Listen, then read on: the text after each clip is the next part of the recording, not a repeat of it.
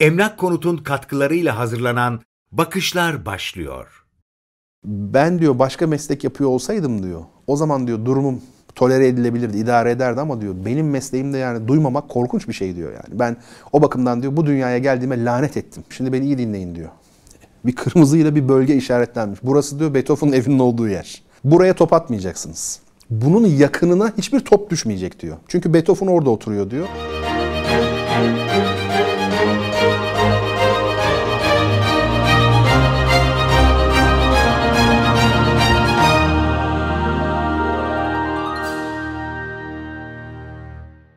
Efendim merhabalar. Bir Bakışlar programında daha My Mecra ekranlarında beraberiz. Nasılsınız? Görüşmeyeli iyi olduğunuzu ümit ediyorum. Ee, bizler iyiyiz çok şükür. Son iki haftadır e, müzikten tutturduk. Devam ediyoruz. E, bir dizi oluşturalım demiştik hatırlayacak olursanız. E, Bach'la başladık değil mi? Yanlış hatırlamıyorum. Bach'la başladık. Ondan sonra Mozart üzerine konuştuk. Şimdi de ne yakışır bu üçlü diziye? Beethoven yakışır yani çünkü çok merak edilen sorular var Beethoven'la ilgili. En önemlisi de şu, en çok merak edilenini söyleyeyim ama hemen cevabını vermeyeyim. Cevabını bir süre sonra vereyim, heyecanlı olsun. Beethoven sağır olduğu halde nasıl eser besteleyebildi? Mesela 9. senfoni nasıl yazdı? Bir insan sağırken böyle bir eseri hiç duymadan nasıl yazabilir? Mesela bu bir soru. Ama dediğim gibi emeksiz yemek olmaz. Biraz bekleyeceksiniz cevabı programın içerisinde veririz. Efendim Beethoven kimdir? Beethoven bir kere Almandır her şeyden evvel. Alman müzik geleneği içerisinde yer alır. Almanlar şöyle diyor. Bizim üç büyük B'miz var diyorlar. B harfi. Bir tanesini artık e, biliyorsunuz Bach tabii ki. Öbürü Beethoven, öbürü de Brahms. Bunlar diyorlar bizim üç büyük bestecimiz. Gerçekten de bunlar çok büyük bestekarlar hepsi. Fakat Beethoven e, aynı zamanda klasik döneme ait. Yani barok mesela Bach barok dönemdir. Sonra klasik dönem geldi. Sonra romantik dönem geldi biliyorsunuz 19. yüzyılda. Beethoven 1770 senesinde doğdu. Vefatı 1827. Yani 57 yıl yaşamış. Bonn'da doğmuş. Hani federal Almanya'nın başkenti var ya eskiden biliriz. Bonn. Doğum yeri orası. Vefat ettiği yer Viyana.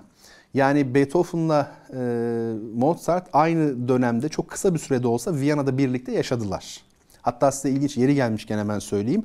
Bu ispatlanmış değil. Bunun belgesi yok. Fakat bu müzik müzikoloji camiasında konuşulan bir şeydir. Pek çok kaynakta geçer. Ee, Beethoven çok gençken 19 yaşındayken Viyana'ya gidiyor. Orada o esnada Mozart hayatının son iki yılını yaşamakta. Yani 33 yaşında o sırada Mozart ve Beethoven'ın istediği şey e, Mozart'a kendimi e, dinleteyim. Yani beni bir dinlesin. Ve randevu alıyor Mozart'tan. Kapıyı çalıyor vakit geldiğinde. içeri gidiyor. Ve içeride tabii bir şey var, bir kalabalık var. Mozart ve arkadaşları var böyle bestekarlar, üstadlar. Bunlar e, Beethoven'dan büyük o zaman yaş olarak. Ve Beethoven piyano sonatını çalmak üzere piyanoya oturuyor falan. Çalıyor da fakat çok üzülüyor. Bir şeye çok üzülüyor. Çünkü sohbet ediyorlar arkada Beethoven çalarken. Ve Beethoven hani Mozart'tan böyle bir şeyi beklemediği için çok da genç kırılıyor, inciniyor falan vesaire. E, artık bitirdikten sonra birkaç sohbet kibarca izin istiyor çıkmak üzere. Mozart tabii diyor ben sizi geçireyim. Kapıya kadar geliyorlar. E, kapıya geldiklerinde Mozart şuna benzer şeyler söylüyor. Sonatınızın diyor A teması çok güzel ama bence diyor B'ye geçişte diyor kadansı daha iyi duyurmanız lazım. Çünkü diyor yeni bir bölme olduğu anlaşılmıyor diyor. Öbür tarafta diyor sol majörü değil de sanki diyor la minöre modülasyon yapsanız daha güzel olmaz mıydı falan deyince Beethoven anlıyor ki Mozart sohbet etse de bütün dikkatiyle kendisinin eserini dinlemiş. Şimdi birkaç iddia var. Beethoven'la Mozart hiç görüşmedi. Bu hayal ürünü diyenler var. Çünkü belgesi yok diyenler var. Bazıları da diyor ki hayır Beethoven o hanlarda, o yolculuk esnasında kaldığı yerlerde kayıt var diyenler var. Ve bu görüşme aynen bu şekilde oldu diyenler var. Daha ileri gidip de e, Beethoven Mozart'tan iki ay boyunca Viyana'da ders aldı diyenler de var. Dolayısıyla e, bu bir görüşme olmuş ya da olmamış ama sizin bilginize bunu arz edeyim dedim. Şimdi Beethoven'ın ee, diğer hiçbir bestecide bulunmayan bazı özellikleri var. Bir kere aile hayatından başlayayım. Annesini küçük yaşta kaybetti Beethoven ve babası tarafından büyütüldü. Fakat babası tıpkı Mozart'ın babası Leopold gibi çocuğunu üstün yetenekli bir müzisyen olarak tanıtmak istiyordu. Yani harika çocuk olarak. Ama Beethoven harika çocuk değildi. Hiçbir zaman olmadı. Yani asla küçük yaşlarda Mozart'ın sergilediği yeteneği sergileyemedi Beethoven. Beethoven belli bir yaştan sonra çok ciddi ortaya çıktı. Babasının şöyle yaptığı söylenir. Önce bir dayak, ondan sonra al bakayım bu kemanı. 4 saat keman çalışacaksın. Kulağım sende. Odaya da kapatıyor tabii. İşte duyacağım bu kemanın sesini. Eğer bir an kesilirse kemanın sesi akşam yemek yok. Gerçek bunlar şaka değil. Ve ondan sonra garibim çocuk da bir çalıyor falan. Çaldıktan sonra gel bakalım işte bir yemek veriyor bir şey. Ondan sonra hadi şimdi klavsen başına ya piyano gibi düşünelim. Piyano başına otur bakalım. Şimdi de iki saat bunu çalışacaksın. Ve babası çok sertmiş yani. Beethoven çok dayak yemiş çocukluğunda. İşte o hırçın tabiatının bazen böyle değil mi böyle kavgalar ediyor ya neler neler yapıyor. Biraz da buna bağlarlar. Yani babasının çok katı e, bir eğitim uygulamasına bağlarlar. Beethoven aslında çok üzücü bir e, hayat hikayesi. Şöyle baktı adam yalnız yani babasını sevmiyor nefret ediyor babasından. Annesini bilmiyor bile. Dolayısıyla hayatı boyunca yalnız olmuş. Yani abisi var, kardeşi var ama görüşmüyorlar. Böyle tek başına bir karakterle, figürle karşı karşıyayız. Şimdi Beethoven ilk eserleriyle birlikte Viyana'da çok dikkat çekti tabii. Çünkü yazdığı müzik Mozart'a da benzemiyordu, Haydn'a da benzemiyordu. Bambaşka bir müzik. Müzik tarihinde hiç kimseye benzemeyen, tuhaf, kendine göre özellikleri olan bir müzik. Bu en başından beri dikkati çekti. Burjuva demokratik devrim ruhu da Beethoven'ı çok ilgilendirdi. Mesela ilginç bir şey söyleyeyim size. Gerçek bir demokrat yani feodal dünya yıkılsın. Onun yerine işte efendim burjuva demokrasisi gelsin, kapitalizm yerleşsin. O dönemki ruh öyle ya. Bugün Avrupa Birliği marşı olarak işte Beethoven'ın 9. senfonisinin seçilmesi tabii ki boşuna değil. Yani çünkü o ruh var. Lena Üniversitesi'nde bildiğim kadarıyla okumuş. Hegel okuyor falan falan böyle bir şeyler. Ve Napolyon Bonaparte'a hayran. Çünkü aristokrasiyi yıktığını düşünüyor Napolyon'un. Bu adam büyük adam diyor, demokrat adam diyor. Ve 3. senfonisini Beethoven çok önemli bir senfonidir. Bu arada Beethoven senfonileriyle ilgili bir şey söyleyeyim. Hocam hangilerini dinlemeliyiz diye bana genelde soruyorlar. Tek rakamlı olanlar. Öyle denk gelmiş. Yani 3, 5, 7, 9. Bunlarla başlayın. Yani özellikle bunlar. 2, 4, 6, 8 daha çok zaman kaybı olabilir ilk aşamada. E, hepsi çok değerli tabii ama 3, 5, 7, 9 efsane tabii. Ve Napolyon bir süre sonra yani demokrat bir çıkış yaptıktan sonra imparator olarak taç giyince yani bütün o eski söylemlerini bir tarafa bırakınca e, Beethoven çok büyük hayal kırıklığına uğruyor ve siliyor. E, notanın üzerinde hani e, Napolyon Bonaparte'a ithaf ediyorum diyordu ya. Onu siliyor bir kahramana ithafen diyor. Yani onu bir genelliyor. O yüzden Eroika senfonisi diyoruz. Yani kahramanlık senfonisi diyoruz. Bakın şimdi ben size bir şey söyleyeceğim. Beethoven kim? E, hatırlayacaksınız geçen hafta Mozart'tan bahsetmiştik. Ve Mozart üzerine konuşurken cenazesinde hiç kimse yoktu. O yüzden yeri bile belli değil dedik. E, Beethoven'ın ise 20 bin kişi olduğunu söylemiştik ya cenazesinde. Napolyon Bonaparte Viyana'yı kuşatıp da bombalatırken bütün generallerini topluyor. Özellikle topçuları, topçu subaylarını hepsini topluyor. Ortaya bir kağıt seriyor. Şimdi beni iyi dinleyin diyor. Bir kırmızıyla bir bölge işaretlenmiş. Burası diyor Beethoven'ın evinin olduğu yer. Buraya top atmayacaksınız bunun yakınına hiçbir top düşmeyecek diyor. Çünkü Beethoven orada oturuyor diyor. Sakın, sakın yasaklıyor. Böyle bir adamdan bahsediyor. Güce bakar mısınız Beethoven'daki? Başka bir örnek. Beethoven'ın Schindler adlı bir sekreteri vardı. 1797 doğum. Kendisinden 27 yaş küçük. Hatta Beethoven zaman zaman dövermiş de Schindler'i. Öyle bir özelliği var. E, Beethoven e, Schindler e, Beethoven'ın bir eseri için yayıncıyla mektuplaşıyor. Hani adamlar diyorlar ki şeyin üstadın bize adresi lazım ki biz şey yapalım ona parasını gönderelim. Schindler'in cevabı dikkat edin. Adres mi diyor? Ne adresi diyor? Ludwig van Beethoven, Viyana. Adres bu. Bitti. Adresi buymuş gerçekten. Tabii biz kaldığı evi falan biliyoruz Viyana'da nerede olduğunu ama e, Ludwig van Beethoven Viyana. Gücünü anlayın diye söylüyorum. Yani Mozart'ta bir kıyaslayın. Ne kadar acı değil mi yani Mozart'ın durumuyla Beethoven durumu arasındaki fark. Şimdi e, Beethoven'ın e, efendim sağır olması meselesi. Onu ama en sonda söyleyecektim bunu. Heyecanlı çok fazla. Biraz daha devam ettirelim yani. Ben size özellikle yeğeniyle olan ilişkisini söyleyeceğim. Beethoven'ın abisi ya da erkek kardeş çok önemli değil. Bu da ufak hatalar olabilir. Yani yılı hatırlamazsın. Yani konunun aslıyla ilgili olmadığı için sohbet ortamı içerisinde sıkıntı değil. Siz bakarsınız artık onlara. E, Beethoven'ın yeğeni yani Beethoven o e, çocuğun amcası oluyor yani. Karl ismi e, Karl mı Anton mu birisi e, kardeşi e, babası vefat ediyor. Yani Beethoven'ın erkek kardeşi vefat edince Beethoven'ın yeğeni e, boşta kalıyor. Annesi var hayatta fakat Beethoven dava açıyor. Diyor ki Ee, annesinden alacağım ben bu çocuğu. Şimdi normalde e, 13-14 yaşında bir delikanlı annesine verilir yani onu kime verecekler? Am- amcasına niye versinler? Babaya bile vermezler yani anne söz konusu olduğunda. Fakat Beethoven davayı açıyor ve yengesinin e, uygunsuz bir hayatı olduğunu, ayrıca maddi durumda hiç iyi olmayacağını, yani çocuğu heder edeceğini, çocuğun bundan zarar göreceğini söyleyerek dava açıyor. Dava 5 yıl kadar sürüyor ve Beethoven davayı kazanıyor. Ve e, yeğenini evlatlığı olarak, çünkü Beethoven hiç evlenmedi. Beethoven'ın e, hayatında hiçbir kadın olmadığını biliyoruz. Yani dedim ya çok tuhaf yani. Ve Beethoven bir evlat gibi alıyor ve hayallerini gerçekleştirecek onda. Babasının kendisine yapmadığı ne yapacak mesela? Onu güzelce en güzel romanları okutacak, en büyük ressamların sergilerine götürecek, kendisi piyano dersi verecek. Yani onun gerçekten sanatla, felsefeyle, edebiyatla, kılık kıyafetine bile bakarmış yani. Kendi giydirirmiş. O kadar düşkün. Bütün işini gücünü bırakıp fakat bir süre sonra çocuk istemiyor. Yani istemediği zaman da zorlu olur mu ya? Yani adam asker olmak istiyor. Hayali o. Delikanlılar olur. Subay olmak isteyebilir. Ben diyor subay olacağım falan. Bu gerginlik artıyor. Yeğeninin yaşı da ilerledikçe gerginlik artıyor falan. En son dayak. Beethoven'ın biz yeğenini dövdüğünü biliyoruz yani.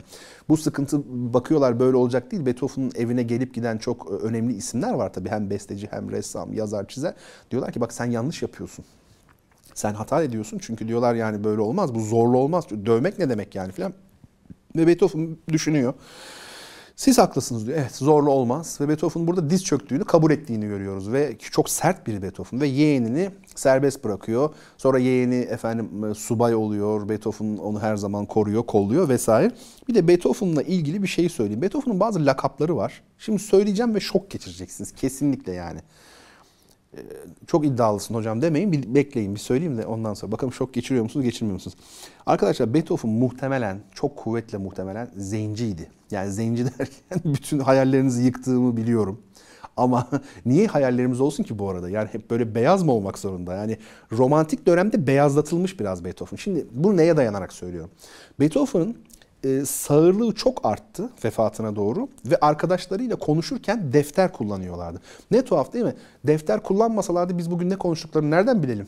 Yani o 5 çayı mesela. Yıl kaç? İşte 3 Mart 1825. O gün öğleden sonra ne konuştuklarını ama biliyoruz. Çünkü deftere yazarak konuşuyorlar. 400'e yakın defter olduğu söyleniyor. Böyle böyle. Şimdi bu defterlerde biz Beethoven'ın lakabını falan da görüyoruz. Beethoven'ın bir lakabı var. Maripli diyorlar Beethoven'a.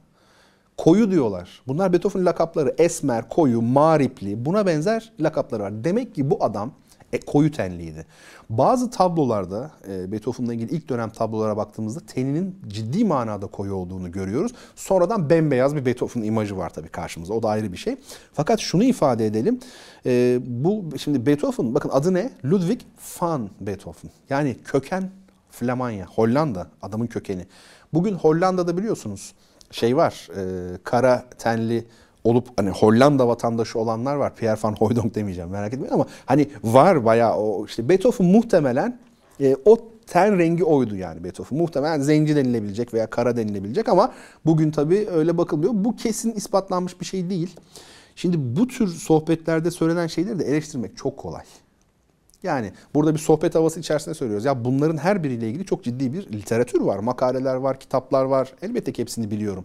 İddiayı söylüyorum ben. Yani olumlanabilir, olumsuzlanabilir, zaman içerisinde yeni belgeler bulunabilir. Onu ifade edelim. Ve bir başka şey, şunu söyleyelim Beethoven'ın sağırlığı meselesi. Bu hakikaten enteresan. Diyorlar ki burada işte sağırken nasıl beste yaptı bu adam? Şimdi Beethoven 30 yaşından sonra özellikle sağır oldu küçükken bir rahatsızlık geçirmiş. Bu rahatsızlığın etkileri nasıl oluyorsa artık işte 30'undan sonra e, artık iyice kendini hissettirmiş ve adamcağız duyamamaya başlamış. Yani hatta nişanlısı var. Çok acı ya bu. Nişanlısı var. E, onunla evlenme hazırlıkları yaparken sağırlığı iyice duyulunca Viyana'da, Viyana o zaman çok büyük bir yer değil yani. Babası, kızın babası nişanı bozmuş ve Beethoven'a diyor ki sen e, artık diyor şey yapamazsın diyor yani piyanistlik yapamazsın diyor kulağın duymuyorken diyor. O bakımdan diyor ben diyor kızımı sana veremem diyor. E, nişan akdini bozuyor ve Beethoven büyük sıkıntı yaşıyor ve intihar etmeyi düşünüyor. Bu çok kırılma anıdır Beethoven'ın hayatında. İki tane arkadaşı var bütün hayatı boyunca yakın. Bir tanesi rahip Amenda, bir tanesi Doktor Wegeler. Ve onlara bir mektup yazıyor son gecesi. Bu Heiligestadt vasiyetnamesi denilen bir vasiyetname. Hatta bu vasiyetnameyi yazdığı yer e, Viyana'da görülebilir hala o ev. O gece vasiyetnamesini yazıyor ve şöyle diyor arkadaşlarına, doktor ve rahip iki arkadaşına. Ben diyor başka meslek yapıyor olsaydım diyor. O zaman diyor durumum tolere edilebilirdi, idare ederdi ama diyor benim mesleğimde yani duymamak korkunç bir şey diyor yani. Ben o bakımdan diyor bu dünyaya geldiğime lanet ettim. Aynen böyle yazmış. O kadar ve intiharı düşünüyor. Ama ne oluyorsa o gece Beethoven demek irade demektir. Müziğinde de var ya o. Ve o e, vasiyetnameyi falan yırttığı gibi elinde vurup yerden kalkıyor ve en büyük eserlerini vermeye başlıyor. Peki sağırken nasıl yapıyor bunu? Şimdi büyük bir hayal kırıklığı yaratacağımın farkındayım ama e, söyleyeyim. Çok değerli dostlar, büyük besteciler için yani böyle bu tür eserler veren, senfoniler yazan besteciler için kulağın duymasının ya da duymamasının e, hiçbir önemi yoktur. Onu baştan söyleyeyim. Ama doğuştan sağır olmayacak. O başka bir şey. Yani hiç ses duymadıysa doğuştan itibaren bilemem. Ama 30 yaşından sonra işitme yeteneğini kaybetmiş tamamen. Bu hiç önemli değil. Neden? Bakın şu masayı görüyor musunuz? Beethoven senfonilerini yazarken veya Mozart veya Bach hiç fark etmez. Yani kağıt kalemle yazıyorlardı zaten. Alıyor vatandaş böyle senfoniyi yazıyor. Nasıl deneyecek? Piyano değil ki bu. Şimdi piyano olsa deneyebilir kendisi. Bir piyano için bir parça yazıyorsun değil mi? Deneyebilirsin. Ha, burası böyle olmadı falan. E şimdi koskoca senfoni orkestrası nasıl deneyeceksin? Karşında yok ki. Nasıl yazıyor o müziği? Orkestranın çalacağı müziği, o bildiğiniz mesela 9. senfoni nasıl yazıyor bu adam? E nasıl yazıyor? İşte eline kalemi alıyor. Öyle bir yazıyor ki o kağıtta yazanın o sizin duyduğunuz var ya o olduğunu o zaten içinde duyuyor. Duymasa yazamaz. Yani kulağa sağır olsa da olmasa da zaten kağıt kalemle yazacak. Masa başında yazılıyor bütün o senfoniler. Dolayısıyla bu tabi Beethoven'a olan hayranlığınızı azaltmasın. Hadi ya biz işte sağırken yazdı daha dramatik, daha böyle romantik, idealist falan diye düşünmeyin. Ee, Beethoven'ın büyüklüğü e, şeye gelmez yani hiç ihtiyacı yok öyle bir şeye. Beethoven zaten büyüklüğü ortada. O bakımdan sağırlık meselesi de bu. Öldüğünde cenazesinde 20 bin kişi vardı Beethoven'ın ve çok büyük saygı gördü. Öyle zannediyorum ki yani müzik tarihinde e, şöyle söyleyelim ciddiyetiyle, sanat olarak ağırbaşlılığıyla yani e, müziğindeki derinlikle yani Johann Sebastian Bach'ı bir tarafa bırakacak olursak herhalde en çok Beethoven saygı görmüştür bu konuda. E, Schumann diyor ki onun yanında herkes çocuk gibi kalıyor. Kimi kastediyor? Bach'ı kastediyor tabii. Ve diyorlar ki Beethoven da mı çocuk gibi kalıyor Bach yanında? Evet diyor. Yani o Bach'ı ayrı tutuyorum ama Beethoven gerçekten derinliğiyle, ciddiyetiyle e, bütün zamanlara damga vurmuş. Ve eserleri çok uzun yıllar, yüzyıllar daha e, beğenilerek dinleyecek olan bir besteci. Haftaya neden bahsederiz bilmiyorum. Bakacağız yani müzik ilgi e, çekiyor onu görüyorum ama e, belki daha farklı konulara da yelken açarız. Belki buradan e, devam ederiz onu da merak edin siz. Efendim bir bakışların daha sonuna geldik. Haftaya inşallah Allah sağlık sıhhat verirse ben sizlerle birlikte olmayı ümit ediyorum. Tekrar buluşana dek kendinize lütfen iyi bakın. Allah'a emanet olun.